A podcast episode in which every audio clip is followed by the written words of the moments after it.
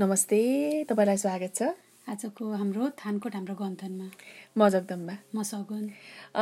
हामीले अघिल्लो हप्ता जस्तै यो हप्ता पनि एउटा किताब हामीले पढेको। किताबको बारेमा कुरा गर्नेछौँ। आजको किताबको टपिक रहेको छ। The moment of lift by Melinda Gates हाम्रो बिल गेट्स मलिन्डा गेट्स भनेर धेरै नाउँ सुनिरहनु भएको छ होला। हाम्रो कम्प्युटरमा धेरै नै राम्रा राम्रा काम गरेर र बिलेनियर भनेर चिनिन्छन्। तर उनीहरूको नाउँ हामीले अब यति धेरै भ्याक्सिनेसन प्रोजेक्टहरू अथवा हाम्रो देश विदेश संसारभरि विभिन्न पैसाहरू डोनेसन गरेर कसरी मानिसलाई गरिबीबाट माथि उचाल्ने कसरी यो जेन्डर ग्याप भनेर फि मेल फिमेलको अथवा कुनै केही कुराको एक्सेस ब्यारियरलाई कसरी तोड्ने भनेर धेरै काम गरिरहनु भएको भएर यसको उपाय के रहेछ त कसरी आ आफ पैसा आफूले कमाएर मात्र होइन कि अरूलाई पनि कसरी सहयोग गरिरहनु भएको रहेछ अथवा के उपाय रहेछ त हामीले पनि केही जानिन्छ कि? भनेर हामीले किताब रोजेका रोजेका हो। उहाँहरूको चाहिँ के अरे गेट्स फाउन्डेसन भन्नेले थुप्रै प्रोजेक्टहरूमा चाहिँ उहाँहरूले हेल्प गरिरहनु भएको छ भनौँ न। पोभर्टी पोभर्टीमा भएको मान्छेहरूलाई गरिबीमा भएकोलाई हो। भ्याक्सिनेसन आई थिङ्क होइन?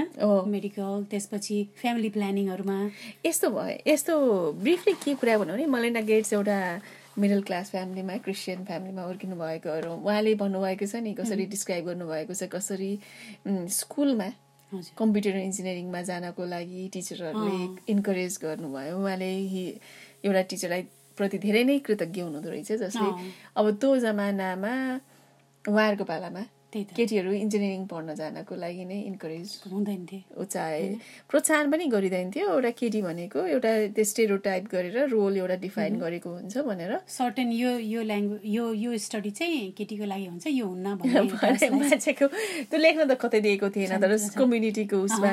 तर कसरी उहाँले टिचरले होइन तिमीले यो गर्नुपर्छ अनि एउटा टिचरले जसरी भए पनि त्यो कम्प्युटर प्रोग्राम अथवा कम्प्युटर त्यो स्कुलमा लिएर आउनुपर्छ भनेर पहल गर्नुभयो र लिएर आउनु भयो। र केटीहरूलाई सिकाउनको लागि कोडिङदेखि लिएर यता अरू प्रोग्रामिङहरू गर्दाखेरि अनि पछि मलिन्डा कसरी काममा जानुभयो एउटा कम्पनीमा अनि त्यहाँ बिलगा भेटेर त्यसपछि उहाँहरूको टिम बन्यो। टिम बन्यो। अनि बिहा पनि भयो पछि गएर।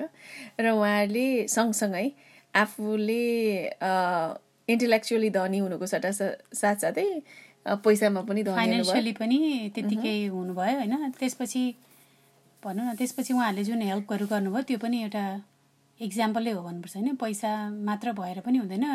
पैसा भएपछि भनौँ न अर्को सोसाइटीलाई कसरी हेल्प गर्ने भन्ने पनि उहाँले around the world around the world हाम्रोमा मात्र होइन कि जब कि अरू संसारभरिका बच्चाहरू पाँच वर्षभन्दा मुनि नै कति मृत्यु दर धेरै नै छ। त्यसलाई कसरी घटाउन सकिन्छ? कसरी फिमेल अथवा हामी मान्छेलाई कसरी इम्पावर अथवा उनीहरूलाई एक्सेस दिन सकिन्छ। किनकि एउटा फिमेल बनाएको त महिला मान्छे शिक्षित भयो भने त्यसले परिवारलाई ल्याउने इन्कम अनि त्यो उसले गर्न सक्ने आफ्नो छोराछोरीलाई राम्रोसँग हुर्काउन सक्ने पेटभरि खाना दिन सक्ने। किनकि खाना राम्रो पुगेन भने त तिम्रो माल न्युट्रिसन कुपोषण भयो भने त दिमाग पनि राम्रोसँगले बढ्दैन र त्यही अनुसारको आउटकम पनि त आउँदैन। अर्को चाहिँ गर्नुपर्छ नि जसरी भनौँ न किन चाहिँ म्याटर गर्छ? वुमेनलाई लाइक यङ टिन एजर वुमेनलाई किन चाहिँ भनौँ न लिफ्ट गर्ने। किन लिफ्ट गर्ने भनेर किन म्याटर गर्छ भनेको इफ भनौँ न त्यो हेल्दी वुमेन भनौँ न हरेक कुरामा ऊ पावरफुल छ इक्वल छ भने उसको उसले जुन उस पछिको आउने जेनेरेसन हुन्छ सबै राम्रो हुन्छ। सबै अप जान्छ सबै माथि जान्छ भनेर होइन? एउटा भनौँ न एउटा यङ्स्टर लेडीलाई हेल्प गर्नु भनेको एउटा पुरै एउटा सिङ्गै जेनेरेसनलाई लिफ्ट गर्नु भन्ने हिसाबले जुन जानुभएको छ त्यो चाहिँ मलाई एकदम मन पर्यो बुकको अर्को मलाई घट लागेको कुराहरू चाहिँ कि अर्को दुइटा अरू धेरै थिए धेरै छन् भने एउटा चाहिँ नलेज भनेको खालि इन्फर्मेसन मात्र ग्यादर गर्ने होइन कि कलेक्ट गर्ने होइन कि कुनै तर त्यसलाई प्र्याक्टिकली कसैले इम्प्लिमेन्ट गर्छ भन्ने कुरामा अथवा व्यवहारमा कसरी उतार्छ र त्यो सँगसँगै राम्रा कुरा अरूको लागि आफू सँगसँगै अरूलाई पनि राम्रो गर्नको लागि कसरी त्यो कुराको उपयोग गरिन्छ भन्नेमा पनि भन्नुभएको छ। अनि एउटा बच्चाहरूलाई स्कुल पुऱ्याउन जाँदाखेरि उहाँको हस्बेन्डले अब बिल गेट्सले बच्चालाई स्कुल ड्रप मैले भ्याइनँ स्कुल ड्रप गरिदिनु भनेर भन्नुभयो र स्कुल ड्रप गरिदिन जानुभयो। त्यसपछि चाहिँ नि कसरी उहाँको बिल गेट्सको त्यो देखेर उहाँले बच्चा स्कुलमा ड्रप गर्ने देखेर अरू बच्चाहरूको बाउहरूले पनि त्यो त्यो बच्चा हुर्काउनु भनेको आमाको मात्र रेस्पोन्सिबिलिटी होइन जिम्मेवार होइन बाउको पनि हो भएको छ। त्यो मलाई मन परेको। कसरी यो चेन्जेस बिहेभियर क्या अरूको अब देखा सिकिनबाट नै त हुन्छ हाम्रोमा भन्ने कुरा।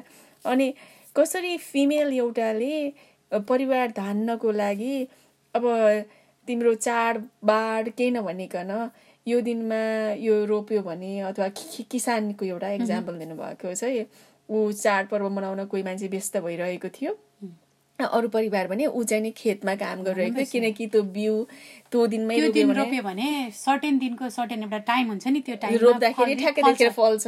भनेर कसरी अनि अर्को कुरा भन्नुभएको छ उहाँको ए फाउन्डेसनले विभिन्न कुरामा कम्युनिटी अर्गनाइजेसनहरूसँग कुरा काम गरेर गर्दाखेरि के उसमा कम्युनिटी लिडरहरूले अब त्यसमा चाहिँ फिमेल पार्टिसिपेसन महिलाको त्यति धेरै सहभागिता नभएको र बिस्तारै पछि बढ्दै गएपछि किनकि फिमेलहरूले महिला सहभागिता भएपछि त्यो खानाको जुन कुरा उब्जाउँछन् नि बिउ राम्रो एक्सेस दिने अनि उनीहरूकोलाई फ्यामिली प्लानिङको बच्चाको टेक केयर गर्नलाईदेखि लिएर सबै कुरालाई फरक पार्छ। बिउ पहिला केटा मान्छेहरूलाई मात्र जान्छ अथवा को को चाहिँ नि ग्राउन्ड वर्कर हो जब कि किसानमा बस्ने र घन्टौँ घन्टा हिँडेर बच्चालाई भ्याक्सिन लगाउन गएको र एउटा महिलाले चाहिँ म मेरो बारेमा कसले सोध्छ त वर्षैपछि म बच्चा त पाउन सक्दिनँ म खाना त खुवाउन सक्दिनँ म त गरिब छु। म मेरो फ्यामिली प्लानिङ चाहिँ कसले हेर्छ त त्यसरी कसरी बच्चाहरू मरिरहेका बच्चाहरू नि आमा पनि मरिरहेका छन् बच्चा पाउने क्रममादेखि लिएर। त्यो चाहिँ नि साह्रै कसै न कसैले त सोच्यो नि भन्ने मलाई चाहिँ एकदम खुसी लागेको। अनि त। मैले चाहिँ के गर्न सक्छु भन्नेतिर गएँ क्या म चाहिँ? तिमीलाई कस्तो लाग्यो? मलाई पनि राम्रो लागेको त्यो चाहिँ एकदम घत लाग्दो कुरा के? अनि बच्चाहरूलाई अर्को कुरा यो किताब मैले लास्ट इयर पनि पढेको थिएँ निस्किने बित्तिकै। अहिले फेरि हामीले यो क्रममा पढ्यौँ।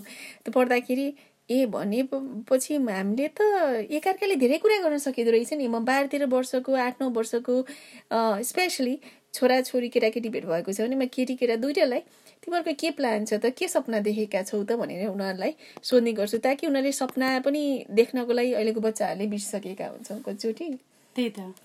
अब भन न उनी आफै एउटा क्याथोलिक फ्यामिलीमा भएर कन्ट्रासेप्टिभ पिलको बारेमा उसले एक्सप्लेन गर्नु पर्दाखेरि उसलाई पनि एउटा डिस्कम्फर्ट भएको थियो। हो नि? हो नि? के कन्ट्रोभर्सीमा परिन्छ कि यो हामी? यसमा जाने कि नजाने भन्ने कुरामा उनीहरू नै यो तिमीले कुरा गर्यो भने तिमी मात्रै गर्छौ भनेर भनेको होइन फाउन्डेसनमा त्यसमा गर्ने कि नगर्ने? भनेर जुन उ गरेको थियो त्यसपछि उनीहरूले स्टप रिप्रोडक्टिभ हेल्थमा रिप्रोडक्टिभ हेल्थमा हो। नि? परिवार नियोजनको उसमा पर्यो भन्ने कुरा। तर गरिबीलाई सँग लडाइँ गर्नको लागि मानिसलाई एजुकेसन र केटीहरूलाई महिलाहरूलाई नै एजुकेट गरेर स्किल दिएर र ट्रेनिङ अनि access to health care basic human right भयो नि त त्यो दिन जरुरी छ भन्ने कुरा भयो होइन? अर्को कुरा गरिबीले यो कुराहरू रोक्नु हुँदैन भनेर। अर्को उसमा देखाउनु भएको छ नि यहाँहरूको बच्चाहरूलाई कसरी सानो सानो यो कास्ट सिस्टम पनि लिएर आउनु भएको छ। नि दलितहरूलाई यो इन्डियामा भएको इक्जाम्पल दिनुभएको छ। एउटा बच्चा चाहिँ जन्मियो तर चिसो भएर कठाङ्ग्रिएको थियो अलिकति माथिल्लो वर्गको अथवा जातको स्वयंसेवकले गएर उस्तो बच्चालाई आफ्नो छातीमा राखेर न्यानो बनायो छुनी कि नछुनी त्यो दलितलाई अछुतलाई भनेर। त्यो एक प्रकारको त्यो कास्ट सिस्टमलाई पनि हाइलाइट गर्नुभएको छ र कसरी उहाँको अर्गनाइजेसनले त्यो कम्युनिटी सेन्टरहरूमा कम्युनिटी लेभलमा कसरी हेल्प गरिरहेको छ भन्ने कुरा पनि त आएको छ नि। त्यो पनि हो। त्यो पनि त्यो पनि एउटा राम्रो पार्ट हो। यो रोगले अथवा कुनै पनि उसले यो मानिस यो जातको जो जातको भन्ने त्यो कुरा अहिले आइरहेको छ नि मान्छेले जातभात धेरै निकाल्ने। यो खास हामी त सबैजना बराबर हो नि त। त्यही त। किन यो डिफरेन्स कसैलाई धेरै कसैलाई थोरै? अनि अर्को भने चाहिँ नि जस्तो जबसम्म जेन्डर इक्वालिटी हुँदैन तबसम्म पोभर्टी र ऊ जाँदैन भनेर भन्नुभएको छ नि उहाँले। जबसम्म जबसम्म चाहिँ मान्छेको भनौँ न जेन्डर इक्वालिटी हुँदैन तबसम्म एब्युज हुन्छ नि। रिलेसनमा एब्युज र पोभर्टी भन्ने कुरा जाँदैन। अन्टिले ननले सबैले त्यो लर्न गर्नुपर्छ भनेर भन्नुभएको छ नि जुन। त्यो चाहिँ एकदमै मलाई पनि मन लाग्यो लाइक यु नो कति कति वर्षदेखि कति वर्षदेखि मान्छेहरूले कुरा गर्दै आएछन् त्यो तर स्टिल गोइङ अन छ क्या त्यो। Like we are still working on that भने जस्तो क्या राइट तर यो किताब पढेपछि मानिसलाई लाग्ला उनीहरूको पो त त्यत्रो पैसा थियो यत्रो नेसन रन गर्न सक्छ। मैले त के गर्न सक्छु र भन्ने खालको त फिलिङ पनि त आउला नि। तर के गर्न सकिन्छ भन्ने कुरामा जाँदाखेरि चाहिँ नि मान्छेले बाहिर कतै जानु पर्दैन पैसा नै दिनुपर्छ भन्ने छैन। कसैलाई आफ्नो अटेन्सन दिने घरबाटै सुरु हुन्छ। घरमा एकजनाले मात्र काम बढार्ने गरेको छ अथवा घरको काम गर्ने गरेको छ भने सबैजना मिलेर सँगसँगै एकअर्का फिमेल मेल सबैजना ले फिमेललाई पनि उति नै टेबलमा तपाईँले एउटा भनौँ न नेक्स्ट जेनेरेसनलाई नै तपाईँले आफैले गर्न सक्नुहुन्छ। एज अ मदर भनौँ न तपाईँले आफ्नो छोराछोरी दुइटै भन्न त सबैले इक्वल भन्छन्। तर जेन्डर इक्वालिटी गर्दाखेरि कतिवटा कुरामा हुँदैन के थियो? हुँदैन। गर्छु मुखले भन्नु र प्र्याक्टिकल गराइमा कति फरक पर्छ होइन? त्यो जबसम्म त्यो इक्वालिटी हुँदैन तबसम्म चाहिँ भनौँ न यो गरिबी जाने एब्युज हुने यस्तो कुराहरू चाहिँ भइरहन्छ भनेर उहाँले जुन गर्नुभएको छ नि। भनेपछि तपाईँ एउटा एज अ तपाईँ एउटा भनौँ न एउटा जवान एउटा युवती भएर जबसम्म तपाईँ आफैले आफैलाई लिफ्ट गर्नुहुन्न तपाईँ आफैले आफैलाई सबै वर्ल्डसँग इक्वली जानुहुन्न तबसम्म चाहिँ भनौँ न तपाईँले घरमा खाना भाग लगाउँदा पनि केटा मान्छेलाई थोरै दिने छोरालाई छोरीलाई थोरै दिने भनेर एउटा मलाई याद छ कसले भन्थ्यो छोरालाई दिँदा डाडु डुबाएर चाहिँ दुध दिने छोरीलाई चाहिँ माथि उदानो पाएर दिने भनेर थोरै दुध दियो भने भनेर। त्यो भनेपछि आफूले अझ फिमेललाई डिस्क्रिमिनेट अथवा छुट्याउने चाहिँ फिमेल नै हुन्छ भन्ने। पनि छ। तर त्यसको लागि चाहिँ we have to go beyond our self त्यही त भन्छ जेनेरेसन वाइज जेनेरेसनमा सबैले स्ट्रगल गरेर छैन तर जुन इक्वालिटी आउनुपर्ने हो त्यो चाहिँ अहिलेसम्म पनि हन्ड्रेड पर्सेन्ट आइसकेको छैन जस्तो फिल हुन्छ कि? त्यो त छँदा पनि छैन होला नि। अथवा कास्ट सिस्टमकोदेखि लिएर सबै कुरामा हामीले यो धेरै कुरा सिक्यो है यसबाट। मलाई एकदमै वाइड नलेज छ क्या? होइन? आफैलाई भनौँ न एउटा वाइड नलेज छ क्या? लाइक तपाईँको आफ्नो मात्र होइन। कसरी वरिपरिको सबैलाई लिफ्ट गर्न सक्नुहुन्छ अनि संसारमा कसरी मानिसले चेन्ज लिएर आउँदो रहेछन् भन्ने कुरा? उहाँहरू त एकजना मान्छे मात्रै हुन्थ्यो। उहाँले स्कुल सिस्टमलाई पनि चेन्ज लिएर आउनु भयो कति कुरामा। बच्चाहरूलाई टेक्नोलोजी साइन्स इन्करेज गर्न प्रोग्राममा नेपालमा पनि त छ नि। नेपालमा पनि उहाँहरूले भ्याक्सिनको लागि प्रिभेन्सनको लागि गेट्स फाउन्डेसन एकदम धेरै काम गरिरहेको छ। संसारभरि अनि अफ्रिका सबैतिर सबैतिर नै छ। एउटा कुरा के होप दियो मलाई आश भने ए मैले पनि त केही गरेर हुँदो रहेछ। म पनि त एक्लो रहेन छु। अरू जस्तै मैले पनि मैले केही कन्ट्रिब्युट गर्न सक्दो रहेछु। आफ्नो लेभलमा जति सकिन्छ। पैसा नहोला तर मेरो समय दिन सक्दो सबैसँग एबिलिटी छ केही कुरा चेन्ज गर्नलाई कि आफ्नो सेक्टरमा होइन? आफूले आफूले changing a person is also changing something होइन? एकजनाबाट सुरु गर्दाखेरि हुन्छ। तपाईँले तपाईँले सबै सक्नुहुन्न भने पनि एज एउटा पर्सनलाई चेन्ज गराउनुहोस् न होइन? त्योबाट सुरु गर्नुहोस् भनेर क्या त्यो चाहिँ मलाई एकदम मन पऱ्यो ल आज यति नै गरौँ। अर्को हप्ता फेरि हामी अर्को किताब लिएर आउनेछौँ। हाम्रो पडकास्ट सुनिदिनु भएको र मन पराइदिनु भएकोमा धेरै धेरै धन्यवाद। हामी सँगसँगै तपाईँहरू पनि यो किताब पढ्ने जर्नीमा चाहिँ नि तपाईँहरूलाई हामी निम्ताउँछौँ। हाम्रो गोल त छ हजुर। बाहुन्नवटा किताब सक्ने। भनेर। अब कहिलेकाहीँ त दुईवटा पढ्नुपर्ने हुनसक्छ। ल हस् त धन्यवाद। हस् धन्यवाद। हजुरहरूको केही कमेन्ट छ अरू अरू पनि केही सब्जेक्टहरू हामीले बिच बिचमा इन्क्लुड गर्नुपर्ने छ भने हामीलाई भनिदिनु होला हामीलाई इन्फर्मेसन दिनु होला। थ्याङ्क यू धन्यवाद। धन्यवाद।